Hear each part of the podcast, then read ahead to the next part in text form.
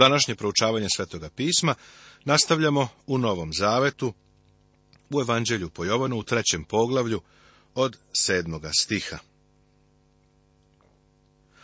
Obrati pažnju na to kako Nikodim, starešina judejski koji se krio iza maske, gubi tu farisejsku masku. Nemoj da se čudiš što ti rekoh, treba da se rodite od ozgo. Vetar duva gde hoće i fijuk njegov čuješ, ali ne znaš odakle dolazi i kuda ide. Tako je sa svakim koji je rođen od duha. Isus u stvari ovo govori. Ne možeš reći odakle vetar duva, kao ni kuda ide. Vazdušne struje i vetrovi su nešto što čovek još uvek ne može da kontroliše. Vetar duva gde hoće. Ne možemo ga skrenuti sa puta, niti ga možemo promeniti. Postojao je neki pokušaj da se u Meksičkom zalivu i u Karibskoj oblasti zaseju uregani, ali do sada ipak nismo pripitomili vetar. Iako vetar ne možemo kontrolisati, svakako možemo reći kada duva. Ti i ja možemo stajati na ulici, a ti bi mogao da mi kažeš duva vetar. Ja ti odgovaram kako znaš, a ti uzvraćaš pogledaj drveće, vidi kako lišće treperi, vidi kako se grane povijaju. Znamo, kada vetar duva. Pa sada, prijatelju, ne znam kako da ti objasnim duhovno rođenje. Znam da je napisano mnogo knjiga koje tvrde da to umeju da objasne, ali razlika između tih autora je u tome što oni izgleda ne uviđaju da ne znaju, dok sam ja spreman da priznam da ne znam. Vetar duva gde hoće i fijak njegov čuješ, tako je sa svakim koji je rođen od duha. Iako ovo sasvim ne razumemo, ipak nam to ilustruje način na koji čovek biva rođen od duha. Ne mogu ti precizno reći kako deluje Boži duh, ali ti sa sigurnošću mogu reći kada se kreće u životima i srcima njegovog naroda. Upravo o tome ovde govori gospod. Gospod je uklonio dve maske. Čovek koji stoji pred njim više nije čovek fariseja, niti je više starešina judejski. Ko je on? da čujemo šta kaže sljedeći stih. Odgovori Nikodim i reče mu, kako može to biti? Sada on tu stoji otvoren, stari, dobri Niki. Pita se kako je to moguće, a gospod će sa njim vrlo jasno da razgovara. Usput da spomenem, ti i ja, jedan pred drugim, možemo da stavimo maske. Mnogi ljudi ih danas koriste. Kada su u izvesnoj grupi ljudi, ponašaju se na određeni način. Maska prijatelju prekriva ono što stvarno jesmo. Kada dođemo gospodu Isusu, sve naše maske treba da skinemo. Više ih ne možemo koristiti. Tada treba da budeš pravi ti. Treba da dođeš baš takav kakav si i Isus će se pobrinuti za tebe. Baš na taj način je postupio sa Nikodimom.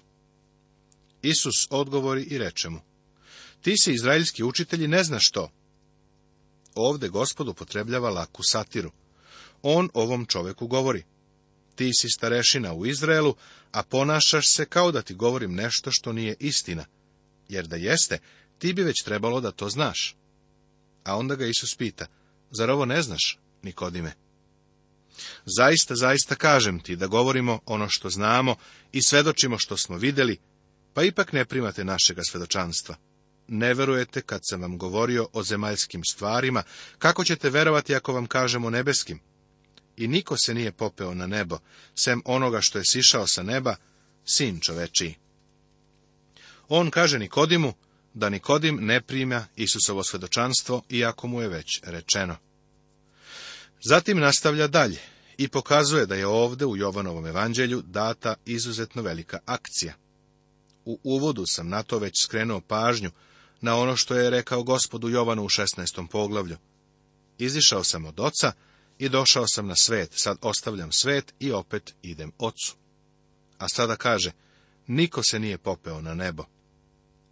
Ovo je odgovor za one ljude danas koji smatraju da su Ilija i Enoh otišli u nebo onda kad su premešteni. Ja tako ne verujem, jer gospod Isus kaže da sve do ovog momenta nijedan čovek nije otišao na nebo, osim onoga koji je sišao sa neba, sin čovečiji koji je u nebu. Drugim rečima, on kaže da jedino on može da govori o nebu, jer se jedino on uspeo na nebo. Ali u starom zavetu, kada bi pobožan čovek umro, čovek koji je pripadao Bogu odlazio je na mesto koje nazivamo raj, ili Avramovo naručje. Gospod ga je tako zvao, vidio u Evanđelju po Luki u 16. poglavlju. Tek kada je Hristos umro, vaskrsnuo i uzneo se na nebo, Tek tada je one koji su bili u raju odveo u prisutnost Božju u nebo. Od tada, za dete Božije je uvek tako bilo, da iziđemo iz tela i da se kod gospoda nastanimo, kao što kaže druga poslanica Korinčanima u petom poglavlju. Ali dok je Isus bio ovdje, nijedan drugi čovjek se nije popeo na nebo. I kao što Mojsije podiže zmiju u pustinji, tako treba da se podigne sin čoveče i da svaki ko veruje, ima u njemu život večni. Kada je Mojsije podigao tu bakarnu zmiju na stub, zbog Božijeg suda koji je došao radi greha naroda, sve što je trebalo da urade za svoje isceljenje jeste da je pogledaju. Kao što je Mojsije podigao zmiju, tako će se podignuti i Isus. Vidiš, ta zmija je predstavljala greh naroda. A Hristos je učinjen grehom radi nas na krstu, jer je tamo poneo naš greh. Kao što je Mojsije podigao zmiju u pustinji, isto tako sin čovečiji mora da se podigne. Sada gospod Nikodimu ponavlja verovatno najpoznatije reči u Bibliji. Jer Bog je tako zavoleo svet, da je svog jedinorodnog sina dao da svaki ko veruje u njega ne propadne, nego da ima večni život. Ovde treba da zapazimo dve stvari. Jedna je da se moramo nanovo roditi, druga je da sin čoveči mora da se podigne. Ovo je povezano. Potrebno je da Hristos umre i vaskrsne, mora da se podigne. Pošto je podignut, jer je podneo kaznu umjesto nas, duh Boži može da nas obnovi. A mi se moramo nanovo roditi. To je jedini način da nas Bog primi. Podstrek za sve ovo je bio to što je Bog tako voleo svet. Bog nikada svet nije spasao ljubavlju, iako je ovo danas pogrešno mišljenje.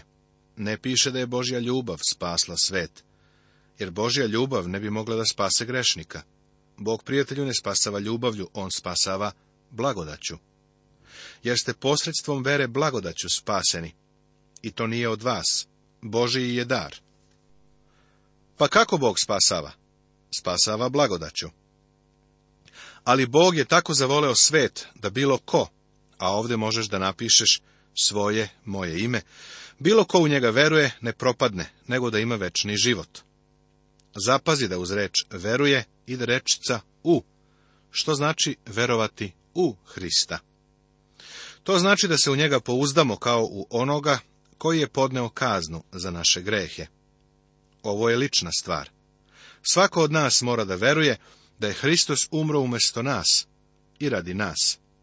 Prijatelju moraš verovati da je umro radi tebe.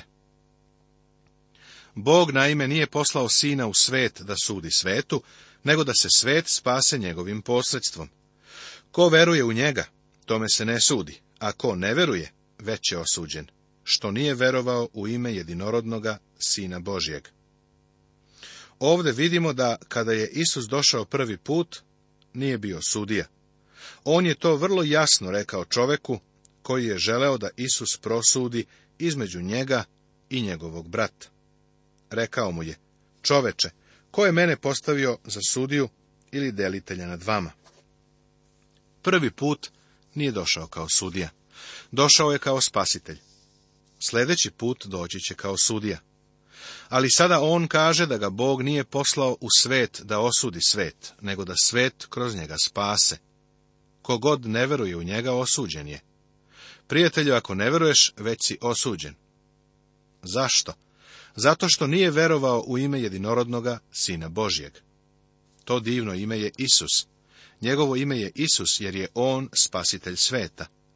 Kogod uzveruje u to ime, više nije pod osudom, nego ima večni život. Seti se da Isus razgovara sa Nikodimom Farisejem. Fariseji su verovali da će Mesija, kada dođe, biti sudija. Stari zavet je predstavio dva aspekta budućeg Mesije.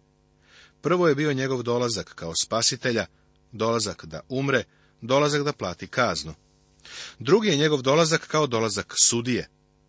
Smatrali su da Mesija treba da bude sudija kada dođe, jer je Stari zavet pokazao taj aspekt. U drugom psalmu čitamo, udarit ćeš ih gvozdenom palicom. Danilo govori o njemu kao o sudiji celoga sveta u sedmom poglavlju psalam 45. govori o njegovoj vladavini svetom u pravdi, a Isaije 11. i 42. poglavlje govore o njegovom sudu pravednosti. Gospod vrlo jasno govori Nikodimu da Bog nije poslao svoga sina da ovaj put sudi svetu, nego da svet spase kroz njega. Svet je grčka reč kosmos. Božiji cilj da izbavi obuhvatio je i prigrlio svet. On nije došao da osudi ili sudi svet, nego da ga spase. U Hristu nema osude. Oni koji nisu u Hristu, već su osuđeni. Mnogo je ljudi koji smatraju da je svet danas na sudskom procesu, ali nije. Svet je izgubljen. Ti i ja živimo u već izgubljenom svetu i ne moramo da čekamo do konačnog suda da bismo uvidjeli da smo izgubljeni. Naš položaj je otprilike poput čoveka koji je u tamnici i koga pitaju da li želi ili ne želi da primi oproštenje. To je evanđelje. To nije govorenje čovjeku da je na suđenju, on je već osuđen. On je već u tamnici i čeka na pogubljenje.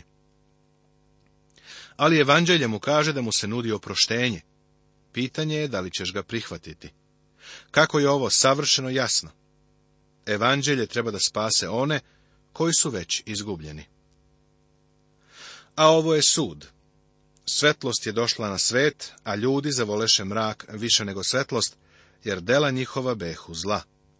Svaki naime koji rđavo radi, mrzi svetlost i ne ide na svetlost, da se ne obelodane njegova dela, a ko čini istinu ide na svetlost, da se pokažu njegova dela, da su u Bogu učinjena. Vidiš, ovo je sud svetu. Onog dana kada je svet razapeo Hrista, tog dana je svet doneo odluku. Sada Bog mora da mu sudi. Osuda ili sud jeste to da će svetlo doći u svet. Ali pošto su čovekova dela stalno bila zla, čovek je zavoleo tamu. Pacovi uvek jure za mračnim uglom, kada svetlost uđe u sobu. Danas sam baš dobio pismo od jedne devojke koja je rekla da pre nego što je doživjela spasenje nikada nije naročito marila za naš program proučavanja svetog pisma. Pa naravno, uopšte joj nije bila potrebna svetlost. Svetlost žele samo oni koji se obrate Hristu. Zapazi da u ovom stihu gospod mnogim stvarima pristupa sa negativne tačke. Svaki naime koji rđavo radi, mrzi svetlost i ne ide na svetlost, da se ne obelodane njegova dela. Danas dosta slušamo o snazi pozitivnog razmišljanja. Veruj mi, prijatelju, u negativnom razmišljenju i govorenju također ima mnogo sile. Poslušaj drugu stvar koju je rekao. Ne dođoh da pozovem pravedne, nego grešne. I, jer i sin čovečiji ne dođe da mu služe, nego da posluži i da dade svoj život kao otkup za mnoge. Bog, dakle, ne posla svoga sina da osudi svet. I još kaže da svi oni koji zločine mrze svetlost. Drugim rečima, kogod stalno iz navike čini ono što je loše, mrzi svetlost. Svetlost i istina koriste se na isti način. Ko čini istinu, ide na svetlost. Greške i tama su uvek u suprotnosti sa svetlošću i istinom. Ovim se završava Isusov razgovor sa Nikodimom. Svedočanstvo Jovana Krstitelja Posle toga dođe Isus sa svojim učenicima u Judeju. Onda je boravio sa njima i krštavao. A i Jovan je krštavao u Enonu kraj Salima, jer je tamo bilo mnogo vode. I ljudi su dolazili i krštavali se. Jovan još ne beše bačen u tamnicu. U ovo vreme Jovan je još uvijek mogao da propoveda. Približilo se carstvo nebesko. Tek nakon Hristovog iskušavanja Jovan je bačen u tamnicu. Druga evanđelja nam govore o tome. Tada nasta raspra između Jovanovih učenika i jednog judejna oko očišćenja. I dođoše Jovanu i rekoše mu, Ravi, one što beše s tobom s one strane Jordana, za koga si ti svedočio, vidi, on krštava i svi idu k njemu. Ovo je vrlo zanimljiva izjava. Pretpostavljam da su Jovanovi učenici bili ljubomorni. Oni govore da Jovan nije trebalo da spominje Isusovo ime. Smatraju da bi bilo bolje da to nije učinio. Zatim mu kažu da bi bilo bolje da nije svedočio o njemu, jer sada svi idu kod Isusa. Ovo je bilo preuveličavanje, ali nam otkriva da su bili ljubomorni i da su se plašili da će Jovan izgubiti sledbenike. Ali Jovan sada daje vrlo jasnu izjavu. U njemu ne postoji ni trunka ljubomore. Odgovor Jovan i reče, ne može čovek ništa uzeti ako mu nije dano sa neba. Vi ste mi sami svedoci da sam rekao, ja nisam Hristos, nego sam poslan ispred njega koji ima mladu mladoženje, a ja, mladoženjim prijatelj, koji stoji i sluša ga, veoma se raduje što čuje mladoženjim glas. Ova moja radost se dakle ispunila. On treba da raste, a ja da se umanjujem. Čovek ne može da propusti veličanstvenu snagu ovoga prijatelju. Jovan Krstitelj je posljednji starozavetni prorok. On ne pripada takozvanoj crkvi, ali jasno pokazuje da ko ima mladu, ko je mlada crkva, dakle ko ima mladu, mladoženja je. Pa ko je Jovan? On je prijatelj mladoženje. On će biti prisutan na jagnjetovoj svadbi, ali nikako nije deo crkve. Jovan je posljednji starozavetni prorok koji je sa stranica Staroga Zaveta ušetao na stranice Novoga da bi navestio dolazak Mesije. Ne može čovjek ništa uzeti ako mu nije dano sa neba. Ova istina će se stalno pojavljivati. Isus je rekao, niko ne može doći k meni ako mu nije dano od oca. Kako su divne ove izjave. A onda Jovan kaže da Hristos mora da raste, a on, Jovan, da se umanjuje. Njegova služba se približava kraju. Koji dolazi od ozgona nad svima je, koji je sa zemlje zemaljske i govori zemaljski, koji dolazi sa neba nad svima je, svedoči ono što je video i čuo i niko ne prima njegova svedočanstva. Ko je primio njegovo svedočanstvo, potvrdio je da je Bog istinit. Jer onaj koga je Bog poslao, govori Božje reči. Bog zaista ne daje duha na meru. Otac ljubi sina i sve je dao njemu u ruku. Ko veruje u sina ima večni život, a ko je neposlušan sinu, neće vidjeti života, nego gnev Božiji ostaje na njemu. Jovan vrlo jasno govori da je gospod Isus veći, pa im u njemu daje divno svedočanstvo. Ko veruje u sina ima večni život. Imaš ga baš sada. Prijatelju, ovo ne može biti jasnije nego što jeste. Jovan Krstitelj je propovedao evanđelje, kao što vidiš. Izneo je poruku da su ljudi bez Hrista izgubljeni, ali da kroz veru u Hrista imaju večni život. Kakvo je svedočanstvo ovaj čovjek imao, kakvo divno svedočanstvo o gospodu Isusu Hristu. Poglavlje četvrto Tema Isus razgovara sa ženom kod bunara u Siharu, treća reč. Isus isceljuje sina kraljevskog činovnika u Kafarnaumu, drugo njegovo delo. Četvrto poglavlje nas dovodi do vrlo zanimljivog događaja u službi našeg gospoda, dok je prolazio kroz Samariju. Kad dakle gospod sazna da su fariseji čuli kako Isus stiče više učenika i krštava nego Jovan, premda Isus sam nije krštavao nego njegovi učenici, ostavi Judeju i ode opet u Galileju. Ovo se očigledno desilo odmah nakon događaja u trećem poglavlju odigralo se u decembru, verovatno samim krajem decembra. Bilo je to vreme kada je Jovan Krstitelj bio u tamnici. Kada je Jovan utamničen, Isus je napustio Judeju i vratio se u Galileju. Zašto je Isus otišao iz Judeje? Pa, nije želeo da prisustvuje krizi. Vidiš, gospod Isus se kretao prema rasporedu, prema nebeskom rasporedu koji je postavio otac on je vrlo jasno pokazao da je došao da ispuni očevu volju. Govoreći o svom životu, on je rekao, niko ga ne uzima od mene, nego ga ja sam od sebe polažem. Imam moć da ga položim, a mogu da ga opet uzmem. Ovaj nalog sam primio od svog oca. Ljudi nisu mogli da ga dotaknu sve dok nije došlo njegovo vreme. Kada dođemo do 13. poglavlja Jovanovog evanđelja, vidjet ćemo da je tek tada došlo njegovo vreme pred praznih pashe Isus, znajući da mu je došao čas da pređe iz ovoga sveta ka ocu i tako dalje. Vidiš, on se kreće prema rasporedu ili planu svoga oca. Prijatelju, Isus je došao da ispuni volju svoga oca. Tada Isus ponovo odlazi u Galileju. Otišao je tamo gdje je bilo njegovo sedište, a ja verujem da je to bio grad Kafarnaum. A trebalo je da prođe kroz Samariju, kaže četvrti stih četvrtog poglavlja. Ova reč stvarno privlači našu pažnju. Zašto je morao da prođe kroz Samariju? Da bi dosegao jednu ženu. Slušaj šta Isus kaže u 34. stihu. Moje jelo je u tome da izvršim volju onoga koji me je poslao i da svršim njegovo delo.